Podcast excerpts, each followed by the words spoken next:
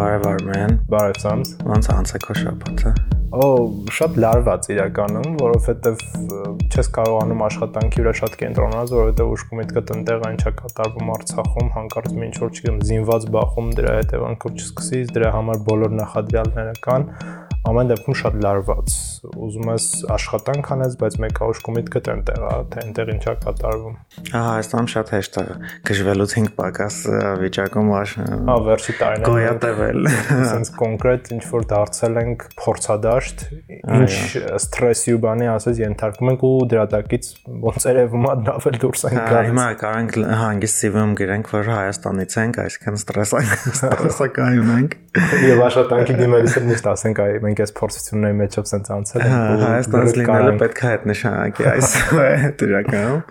Դե ոնց հասկացաք, այսօր խոսել ենք հիմնականում Լաչինում տեղի ունեցող իրադարձություններից, որովհետև շաբաթվա ամենագլխավոր թեման, ամենակարևոր թեման այդ էր։ Հետաքնող լրագրողներից Head Podcast։ Դեկտեմբերի 12-ին երկուշաբթի առավոտյան մի խումբ անձինք մի քանի տասնյակ մարդ սկզբում, մեկ էլ Շուշից հանկարծ որոշում են դուրս գալ եւ շարժել ու փակել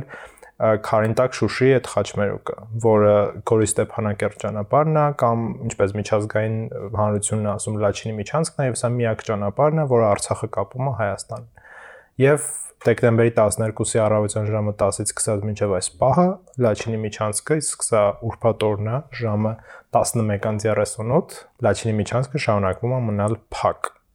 չնայած այնտեղ ռուսական խաղապահներն են իրենց ասելով անընդհատ բանակցում են միջազգային հանրությունը տարբեր երկրներ, գործիչներ հայտարարություններ են տարածում, բայց դա ամենևին է չի խանգարում Ադրբեջանին, որ ինքը շարունակի փակ պահել Լաչինի միջանցքը։ Ինչ են պնդում այս ցուցարարներ, չասեմ ակտիվիստներ, մի խոսքով այդ անձինք, որոնց թիվը հիմա Էկվադորության արդեն մի քանի 100 է, Ու որոնց անդադ ավտոբուսներով բերում են, կերակրում են, կերակրում են, անգամ էկրան են տեղադրում, որ ֆուտբոլի աշխարհի առաջնության խաղերը նայեն։ Այո, մի անգամից իրանց վրաններում մի անգամից լույս են քաշել, TV են դրել։ Կարևորը նաև դրոշն են իրանց բազը, ջրվում են Ղարաբաղն, Ադրբեջանը եւ այլն եւ այլն, բայց դրա մասին մի քիչ ավելի ուշ կխոսենք, երբ որ տակտիստներից կխոսենք։ Ծանոթանք թե իրականում ովքեր են այդ մարդիկ։ Բայց ամեն դեպքում այս մարտիկ, ովքեր հանդես են գալիս որպես էկոակտիվիստներ, իրանք պնդում են, թե իբր ադրբեջանական տարածքներում այդ տարածքների եւ ադրբեջանականի կողքին sense մեծ մի հատ ճակերտներ դնենք հայերը ապօրինաբար օգտագործում են իրանց բնական ռեսուրսները խոսքը այնտեղ երկու հանքավայրի մասին է որոնք իրար մոտ են գտնվում խոսքը Կաշենի այդ հանքավայրի մասին է որը եթե աշխարհագրորեն պատկերացնենք ինքը գտնվում է Մարտակերտի շրջանում Ադրբեջանցիները պնդում են, որ իրենք հայերը ապօրինաբար օգտագործում են այդ հանքավայրերը, առանց իրենց թույլատվության չեն թողում, որ այնտեղ ինչ որ մոնիթորինգային խումբ գնա, որտեղում կհասկանա, թե ինչ ծավալով են այդ պաշարներն օգտագործվել, արդյոք էկոհամակարգին վնասներ հասցվում են, թե ոչ սա մի քիչ խնդալու է, որովհետև Ադրբեջանը այն երկրն է ցանկում որտեղ էկո աղետները ու ընդհանրապես բնապահպանական վիճակը շատ վատ է, եւ գալ մեկ էլ հանկարծ հիշել, որ Ղարաբաղում, չգիտեմ, ինչ որ հանքավայրերի հետ կապված խնդիրներ կան ու կարա էկո համակարգին վնաս հասվի, ավելի առնվազն ծիծաղելի է։ Մենք մեր նախորդ էպիզոդին պատմել ենք, որ նո մինչև այս Լաչին Մինչանսկի փակվելը միջադեպ էր եղել, որ ադրբեջանցիները մտել են եւ նրանց տեղացիները չէին թողել, որպեսզի մտնեին հանք, հետո բանակցություններ էր եղել, հայկական ու Արցախի կողմից մասնակցել էր այդ բանակցություններին Վիտալի Բալասանյանն ու հանգիստ ինչ որ բան էին պայմանավորվել, այդ մի քանի ժամով էր փակվել Լաչինի միջանցքը ընդհանրապես։ Հետո հասկացան, որ շատ մարտավարությունը լավ կարող է աշխատի նոր սկսեցին ավելի մեծ ակցիա անել։ Եթե անկեղծ լինենք նախորդ փակվելու ժամանակ այդ կապը ոնց որ Հայաստանի հետ շատ դրանից չէր տուժել, էլի, ամեն մի քանի ժամով էր, հա։ Մի քանի ժամեր եւ այնտեղ կհիշեք հետաքրիր միջադեպեր լրագրողների մասնակցությամբ, դրա համար լսեք մեր նախորդ էպիզոդը։ Այս անգամ ինչ էր եղել, այդ էկոակտիվիստներ Շուշիից իջել, փակել էին հատվածը, ռուս խաղապահներն էլ եկել իրանց sense երկու կողմից փակել են։ Ստացվում է, որ կրկնակի բլոկադայի է ենթարկվել Լաչինի միջանցքը։ Այս էկոակտիվիստները իրենք պահանջում են, որ հանդիպեն ռուսական խաղապահ առաքելության հրամանատար գեներալ-մայոր Անդրեյ Վոլկովի հետ, Վոլկովը մինչև օրս իրանց հետ չի հանդիպել, սա շատ հետաքրքիր հանգամանք է, բացի այդ կհիշեք նախորդ մեր էպիզոդից, որ Վոլկովը անգամ բողոքում էր թե ադրբեջանական լրատվամիջոցներում ինչ աղբ ու հեջուրանք ասես իր մասին եւ ընդհանրապես ռուսական խաղապահների մասին գրվում է։ Իմ չալած այդ հիմա շարունակվում է, ես նկատել եմ ես մի քանի օրվա ընթացքում, որ մոնիտորինգ եմ արել, հիմնական այդ պրոիշխանական ադրբեջանական մեդիաները, որոնք որ ներկա են այդտեղ, ու նաև հենց ակտիվիստներն էլ, լրագրողներն էլ իրենց հիմնական ուղերձը, ոնց ոչ թե հիմնական հիմնական ուղերձներից մեկը այն է, որ այս ճանապարհը փակա ռուս խաղապահների կողմից, հենց ռուս խաղապահներն են ադրբեջանցիների ազատ տեղաշարժմանն խոչընդոտում ու ադրբեջանական հողի վրա փակում ճանապարհներ։ Իրական դա լավ մտածված քարոշչական տրյուկ է, որը ընդհանրապես վերջի տարիներին ադրբեջանական քարոշչամեքենան սկսել է ինք իրան գերազանցել, ինքանց իրանք շատ ռեսուրս ու ընդհանրապես միջոցներ են ծախսում այդ քարոշչությունը հա։ լավ տարածելու եւ փաթեթավորելու համար։ Դե այդ խայծը շատ հետաքրքիր երկու բան են, էլի։ Այդ խայծը վերցնում են նաեւ ռուսական լրատվամիջոցներ ու ես տեսել եմ լրատվամիջոցներ ռուսական ովքեր ադրբեջանական կոնկրետ այդ թեզը ասենց առաջ են տանում ու ինչ որ չափով նաև խաղաղապահներին իրենք իրենքից իրենք իսկ իրենց խաղաղապահներին մեղադրում ադրբեջանական ինչ որ էկոակտիվիստներին բլոկադայի մեջ պահելու համար բայց ինչևէ իրենք այս էկոակտիվիստները ամեն դեպքում ռուսների ռուսական խաղապարակելության ղեկավարն իրանց հետ չհանդիպեց, բայց ռուսները փոխարենը սկսեցին տեխնիկա եւ մոդուլային, այսպես ասած,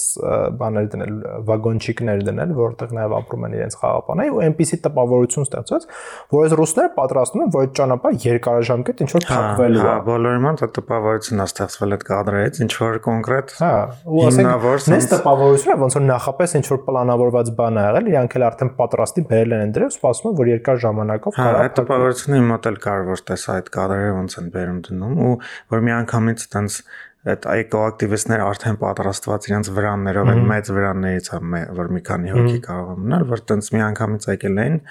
իսկապես ճիշտ է վստահ չեն կարող ասել չենք էլ ուզում ինչ որ կոնսպիրացիաներ տարածել բայց այդպիսի տպավորություն իրոք կա որ նախապես պայմանավորվածություն ա եղել ինչ որ բլոկադան քիչ էր եւ երկրորդ օրը երեկոյան հայտնի դարձավ, որ Ադրբեջանը փակել է Արցախ գնաց Հայաստանից Արցախ գնացող գազամատակարարումը գազի խողովակը։ Գիշեք այս տարվա մարտին մենք մի անգամ էլ էինք այսպիսի մի դեպք ունեցել, երբ որ Ադրբեջանը մի քանի օրով փակել էր, գնացել մի վինտիլ էին դրել այդ հատվածով, որը անցնում է, իսկ Ստեփանակերտ գնացող գազը Հայաստանից Շուշիի տարածքով անցնում եւ շատ հեշտ ադրբեջանցիների համար ինչ որ խողովակ դնել, ու վինտիլ դնել, այսպես հա։ հա, ու փակել դա Այս օրերին իրենք նույնպես դա արեցին։ Չնայած հիմա այսօր առավոտ մեր ցանագրելուց առաջ Ռուբեն Վարդանյանը ասաց, որ գազամատակարարումը վերականգնվել է ադրբեջանցիների կողմից առանց ինչ որ նախապայմանների, բայց հետաքրքիր է, որ նույն օրը իրանց ազերի գազը որը միավորում է եւ մտնում է Սոկարի մեջ, իսկ Սոկարը Ադրբեջանի պետական նավթային ընկերությունը հայտարարեց, որ իրենք որևէ կապ չունեն։ Իհարկե դա շատ ծիծաղելի էր բոլորի համար եւ միջազգային հա, երբ որ հանրությունն էլ ու ընդհանրապես լրատվամիջոցները գրում են, ամեն դեպքում շեշտադրում է դրան դնում են արա, որ Շուշիի տարածքում է հենց փակվել այդ գազը ու ադրբեջանցիներն այստեղ ստում են։ Բայց գոնե լավ է, որ գազը վերականգնվել է եւ հույս ունենք մեր հաջորդ էպիզոդի ժամանակ խոսենք նաեւ Լաչինի միջանցքի բացման մասին։ Այո բայց մի քիչ ավելի լայն գեոպոլիտիկ մասով որ խոսենք իմ կարծիքով այստեղ ոնց որ Ադրբեջանը փորձում է իրականում լուծել Զանգեզուրի միջանցքի, հա, այսպես կոչված Զանգեզուրի միջանցքի հարցը, այսինքն տրամաբանությունը այն է, որ պահանջում են Զանգեզուրի միջանցքը ու քանի որ Հայաստան չի կարող այդ Զանգեզուրի միջանցքը բնականաբար այն պայմանները, որոնք որ իրանք են ուզում տրամադրել, Ադրբեջանն էլ highline կերպով փակում է Լաչինի միջանցքը, highline կերպով փակում է Լաչինի միջանցքը ու իրականում Լաչինի միջանցքի փակումը հենց այս ամենակարևոր կարևոր հարցը է։ Կարանք դա ընդունենք որպես վարկած, չնայած իրավաբանական տեսանկյունից այս մարտավարությունը, որ ընդունել է Ադրբեջանը իրավական տեսանկյունից շատ խոցելի է, որովհետև Երակոմ հայտարարությունը Հայաստանի, Ադրբեջանի եւ Ռուսաստանի հստակ այնտեղ միայն մեկ միջանցքի մասին, Լաչինի Լաչինի միջանցքի մասին։ Այնտեղ խոսվում է, որ Հայաստանը պետք է ապահովի կապը Ադրբեջանի արևմտյան տարածքների եւ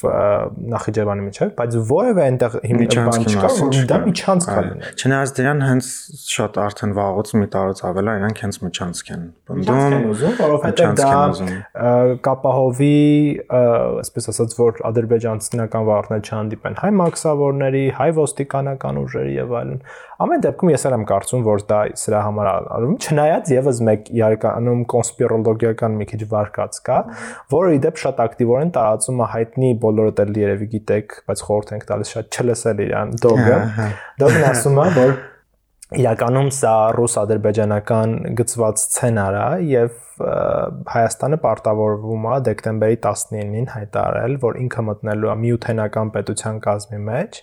Եվ միայն այդ պայմանով Ռուսաստանը կօգնի Հայաստանին, որ Լաչինի միջանցքը բացվի։ Ես ամեն դեպքում կարծում եմ, որ սա մի քիչ շատ կոնսպիրոլոգիա է։ Հա, ժամանակից կտա։ Մի քանի օր մնաց։ քանի օր մնաց, իրականում հաջորդ բանին կխոսենք դրա մասին, սա իրականում եղավ թե չեղավ։ հա։ Բայց ամեն դեպքում կարծում եմ, որ սա այն բանը չի, որով պետք է Հայաստանին շանտաժ անեն։ Մի քիչ ավելի ծանրակշիռ բան կփորձենք գտնել, որտեղ առաջին հերթին սա իրենց իսկ հեղինակության հարցն է։ Հա, միանշան։ Որովհետև Էրեկ Մարիա Զախարովան էլ հայտարարեց, որ իրանք տարածաշրջանում կայունության ապահովողն են եւ եթե իրանք չեն կարողանում արդեն այսա մի շաբաթ այդ կայունությունն ապահովել, ուրեմն իրանք ինչ են այնտեղ անում ընդհանրապես, էլի։ Բացի մեր հաշվին իրենց խաղապահ ուժերը պահելու։ Նաև Զանգեզուրի միջանցքը սա մասին շատ ենք խոսել, բայց ըստ երևույթի Զանգեզուրի միջանցքի հնարավոր բացումը կամ լինելը Ռուսաստանի շահերին ընդհանրապես դեմ չի այս դեպքում, որովհետև նախ եթե նման բան լինի, ել միևնույն է այդ անցակետերը պիտի Ռուսաստանի Ну դա իհարկե հարց է մեծ, թե դա կլինի Ռուսաստանի վերահսկողության տակ թե չէ։ Ըստ երևույթի հենց այդպես էլ կլինի։ Որտեղ գոյություն ունի մի հատ ռուս-թուրքական առաքելություն, որ աղդամում է տեղակայված ու ինքը իբր հետևում է, որ Արցախում պատերազմական բախումներ չլինեն։ Շատ հնարավոր է, որ այս կոնտինգենտը ընդհանրապես այդտեղ տեղակայվի եւ թուրք ինչ-որ շոստիկաններ հայտնվեն թուրքերի տարածքում բայց այս իրա եթե Ռուսաստանի շահերին չի հակասում, գոնե Իրանի շահերին հակասում է եւ Իրանը միշտ դեմ է հանդես եկել, չգիտեմ ինչ որ միջանցքների կամ բանի, որովհետեւ ինքը լավ հասկանում է, որ այս միջանցքը ճանապարհը սենց ինչ որ թոկի նման բան է, որը հյուսիսից կարա Իրան ուղակի խեղդի։ Եվ բնականաբար այդ միջանցքի հարցում Իրանը, չասենք հայամետ, բայց ամեն դեպքում այս պրոյեկտին դեմ է հանդես գալիս։ Ընդհանրապես դա ձեռք չի տալիս։ Հա, նաեւ կարծում եմ այդքան էլ Ադրբեջանին ձեռք չի տա, որովհետև եթե ռուսական կոնտինգենտը լինի շարունակի մնալ այդ միջանցքն էլ բացվի, այնպես չի որ Ադրբեջանը ռուսական ազդեցությունից ցենց հեշտ հանգիստ ազատվեց, էլի, եթե ռուսական կողմ կողմ պնդի որ իրենք պետք է վերահասկեն, ուրեմն եւս մեկ բան կլինի Ադրբեջանի իրականում Ուկրաինայում Ռուսաստանի ներխուժումից հետո սկսել եմ ամեն ինչի վրա շատ կասկածել ու շատ կասկածել նաև ռուսական ազդեցություն բարի վրա ռուսական ազդեցությունը ոնց հասկանում եմ միայն մասամբ Հայաստանի վրա է գործում մեկ էլ Բելարուսի Ադրբեջանի վրա վաղուց միայն թուրքական ազդեցություն է գործում եւ Թուրքիան ինչ ասի բնականաբար Ադրբեջանն էլ դա կանի ու մի քիչ Լաչինի միջանցքը վառ օրինակն է դրա, որ ամենևին ռուսական խոսքը եւ Կրեմլից զանգերի դեպ մոռացանք նշել, որ հենց Լաչինի միջանցքի փակվելու օրը Վլադիմիր Պուտինը զանգում է Իլհամ Ալիևին եւ Նիկոլ Փաշինյանին եւ այնտեղ նշվում է հաղորդագրության մեջ, որ երակոմ հայտարարության այդ կետերն են քննարկվել, բնականաբար քննարկվել է Լաչինի միջանցքը փակվելու հարցը եւ փաստացի Պուտինի զանգից 5 օր անց որևէ տիպի այդ բանը չի բացվել։ Սա ցուցիչ է արդեն մեզ համար, էլի։ Ուղղակի նաեւ հնարավոր այն հանգամանքն էլ, որ Պուտինն ու Ալիևը պայմանավորվել են, էլի դրա համար դե։ ինչ որ բան չի կատարվում։ Ամեն ինչ էլ հնարավոր է։ Նաեւ չմոռանանք, որ 5 տարով են տեղակայվում խաղապահները ռուս ու երկու տարի երկու տարի լրացավ, հա, ու քիչ ժամանակ մնում ու ըստ հայտարարության, եթե կողմից մեկը չի ցանկանում, որպեսզի այդ խաղապահները մնան, խաղապահները դուրս են գալիս։ Ադրբեջանի պատասխանը բոլորիս հայտնի է։ Արդեն հայտնի է։ Այնպես որ իսկապես արցախցիների անվտանգության էթնիկ զտումների շատ մեծ ռիսկության նույնիսկ շատ մեծ վտանգ կա բայց նաև բացի Արցախից շատ մեծ վտանգ է նաև հենց Հայաստանի սուվերենության եւ որպես անկախ երկիր մնալու շանսերի վերաբերել։ Շատ-շատ մեծ են վտանգները, դրա համար էլ այսքան բոլորը անհանգստացած են։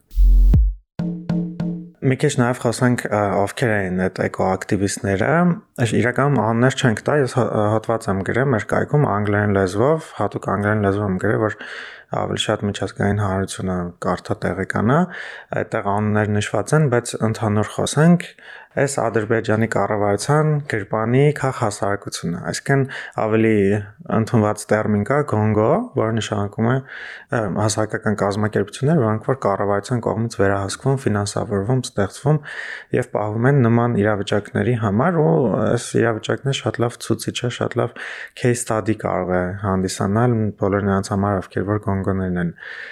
ուսումնասիրում հիմնական քաղաքասարակությունը fake, որոնք որ ուղղակի կատարում են կառավարության պատվերը, կառավարության կողմից ֆինանսավորվում են, այդտեղ ավտոբուսներով իրանց բերում են, տանում են, տարբեր մարդիկ են ՀԿ-ներում աշխատող մի կոնտինգենտ կա, այպես հենց Կոնգո կոնտինգենտն էլի։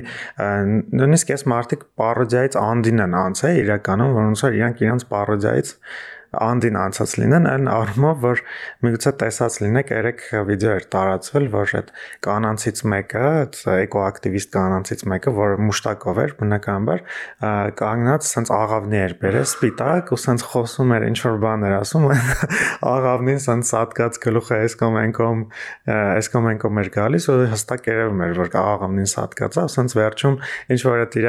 խոսքը ասաց, սենց պետքա իբր բաց թողներ աղավնուն ու սենց աղավնի աղավնին լավ ընկավ ներքև, այսինքն սատկած աղավներ շատ-շատ սիմվոլիկ էր, իրականում շատ շատերը գրեցին, որ դա իրական խորհրդանշում է հայ հետ ադրբեջանական այդ բանակցություններն ու խաղաղությունը։ Այո, իրենց այդ առաջարկը հայերին, արցախցիներին խաղաղության կնքելու, ոնց որ հենց այդ աղավնու տեսքով էր, իրականում շատ sense սիմվոլիկ էր, չգիտեմ, որ ուզեիր այտենց բան լիներ 100 հա, տարին մեկ չէր լինի, բայց եղավ։ Նա վեկոակտիվիստներ շատերն էլ տենց ինչ որ միջին տարիքից բարձր տենց 50-անց կանայք են, որոնք որ sense լրի full make-up-ով, ինչ որ մուշտակներով էկոակտիվիստ եթե չեք տեսել, կարող եք հետևեք լաչինում թե ովքեր են կանգնած, տարբեր երիտասարդական կազմակերպությունների տենց երիտասարդական ճյուղերի ինչ որ ներկայացուցիչներ, հկներ, այդ Իլհամ Ալիևի կուսակցության անդամներ նախկին զինվորականներ, մի խոսքով հավաքվել են բոլորը Ֆլաչինում, այնց քեֆ ուրախություն են անում ու այդպես։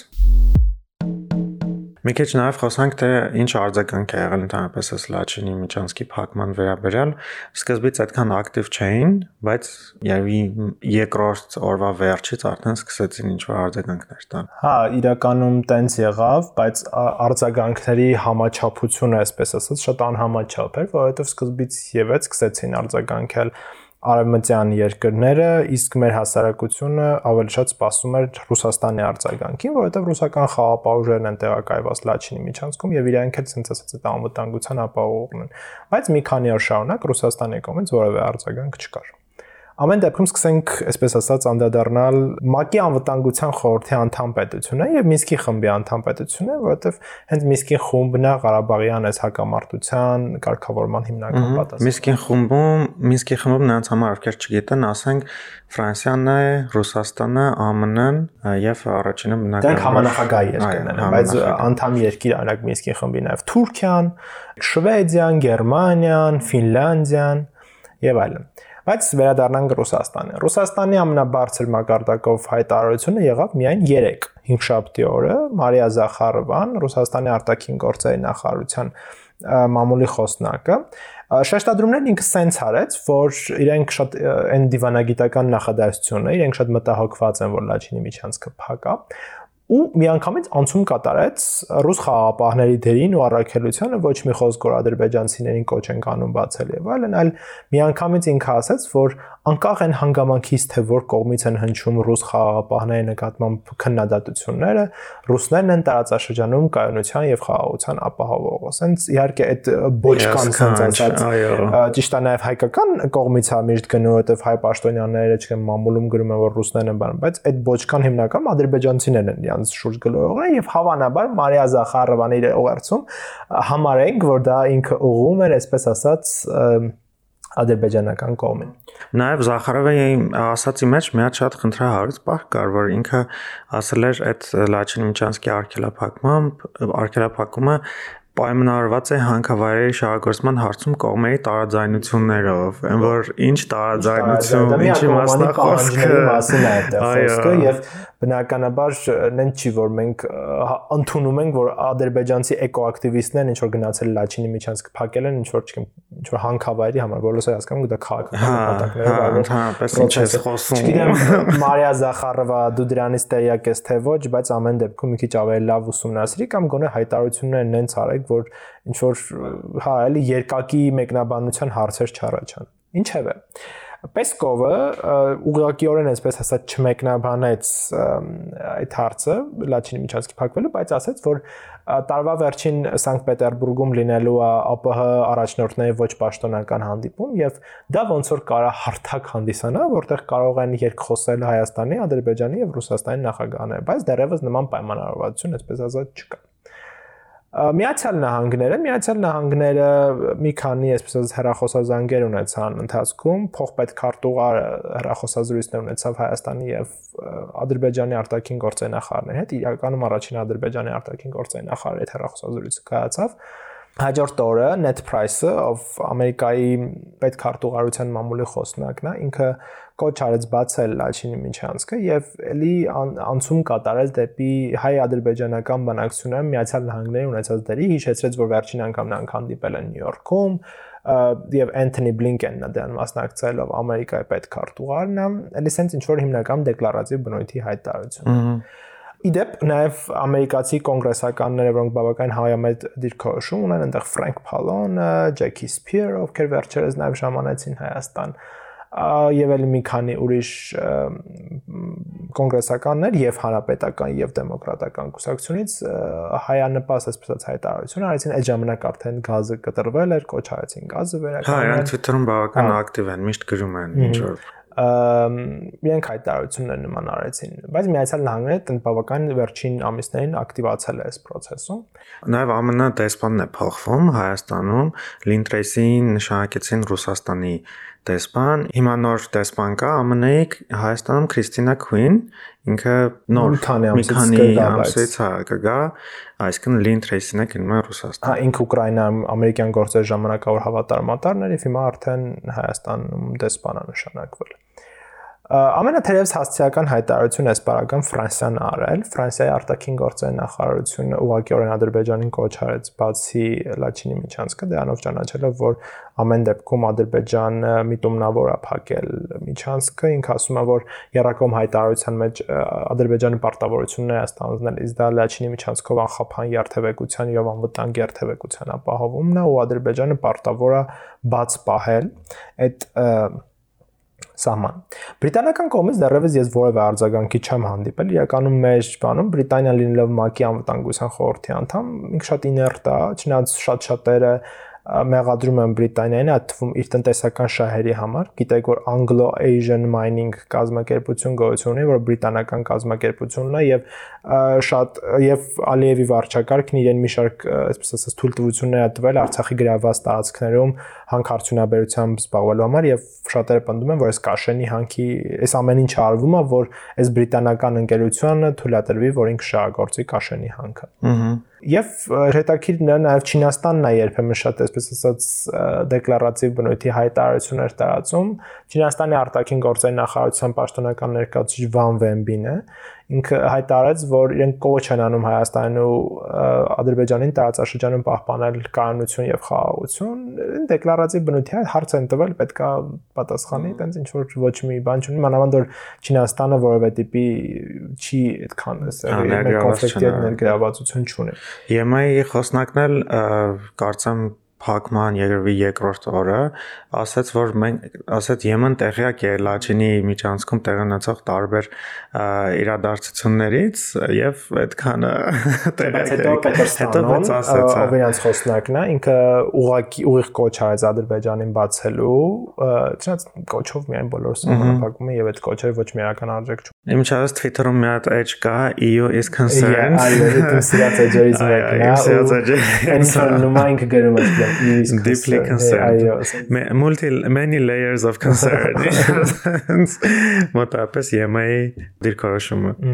այս օրին նաև Նյու Յորքում է գտնվում արտաքին գործերի նախարար Արադ Միրզյանը Միրզյանը հանդիպում ունեցել ՄԱԳ-ի գլխավոր քարտուղարի հետ ներկայացնելով նրան իրավիճակը ինչա կատարում Լաչինի միջանցքում, դրանից հետո ՄԱԳ-ի գլխավոր քարտուղարը հայտարարություն է տարածել, որտեղ կոչ անում էլի դարձյալ բացել Լաչինի միջանցք եւ բլա բլա բլա, տենց այդ բնույթի ինչ որ հայտարարություններ։ Այս ֆոնին մի հատ այլ նորություն էլ տարածվեց, հայտնի դարձավ, որ Եվրամիությունը չի երկարաձգի Հայաստանի տարածքում տեղակայված քաղաքացիական առաքելությունը, որը հոկտեմբեր ամսին Պրահայում կայացած հանդիպումից հետո պայմանավորվածություն էր ձեռք բերվել, որ Հայաստան պետք է ուղարկվի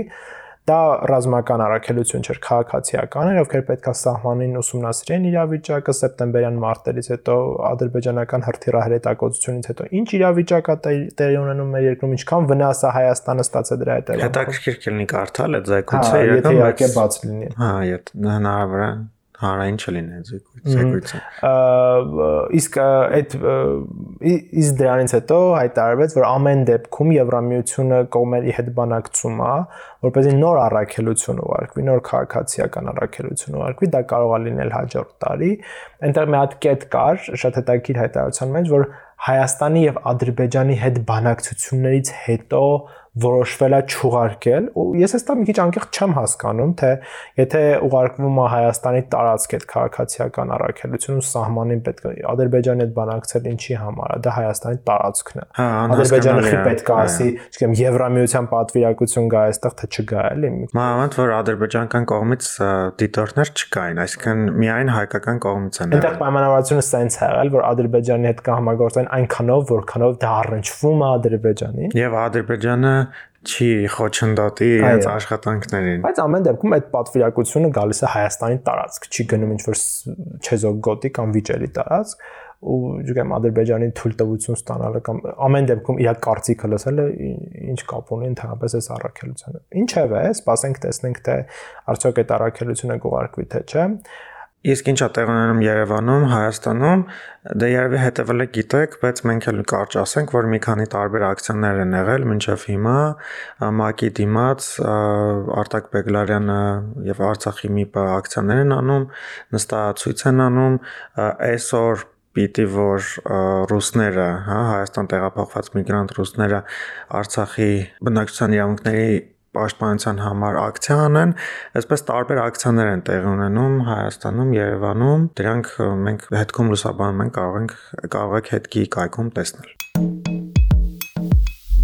Եվ այս շաբաթվա համար այսքանը։ Շնորհակալություն, որ լսեցիք մեզ։ Կարող եք մեզ աջակցել մեր էպիզոդները տարածելով, մեր մասին նոր մարդկանց ասելով, որպեսզի մենք էլ կարողանանք մեծացնել մեր լսարանը։ Կարող եք մեզ գտնել բաժանորդագրվել ոդքասթ լսելու հավելվածներում, նաև միացեք մեր Facebook-յան խմբին։ Մենք շատ մեծ հույս ունենք, որ հաջորդ մեր թողարկման ընթացքում միայն դրական լուրերից ենք խոսելու եւ հույս ունենք մինչև հաջորդ շաբաթ առնվազն այս վիկենդին Լաչինի միջանցքը կբացվի, որովհետև Արցախի ողջ բնակչությունը գտնվում է շրջափակման մեջ։ Իսկ Արցախում հիմա կա վառելիքի, չգիտեմ, դեղերի, սննդի շատ մեծ պակաս։ Ամեն դեպքում համբերություն բոլորիս։ Այո, եւ այսքանը։ Ինչ նոր շաբաթ։ Այո, խաղ եւ անվտանգ շաբաթ։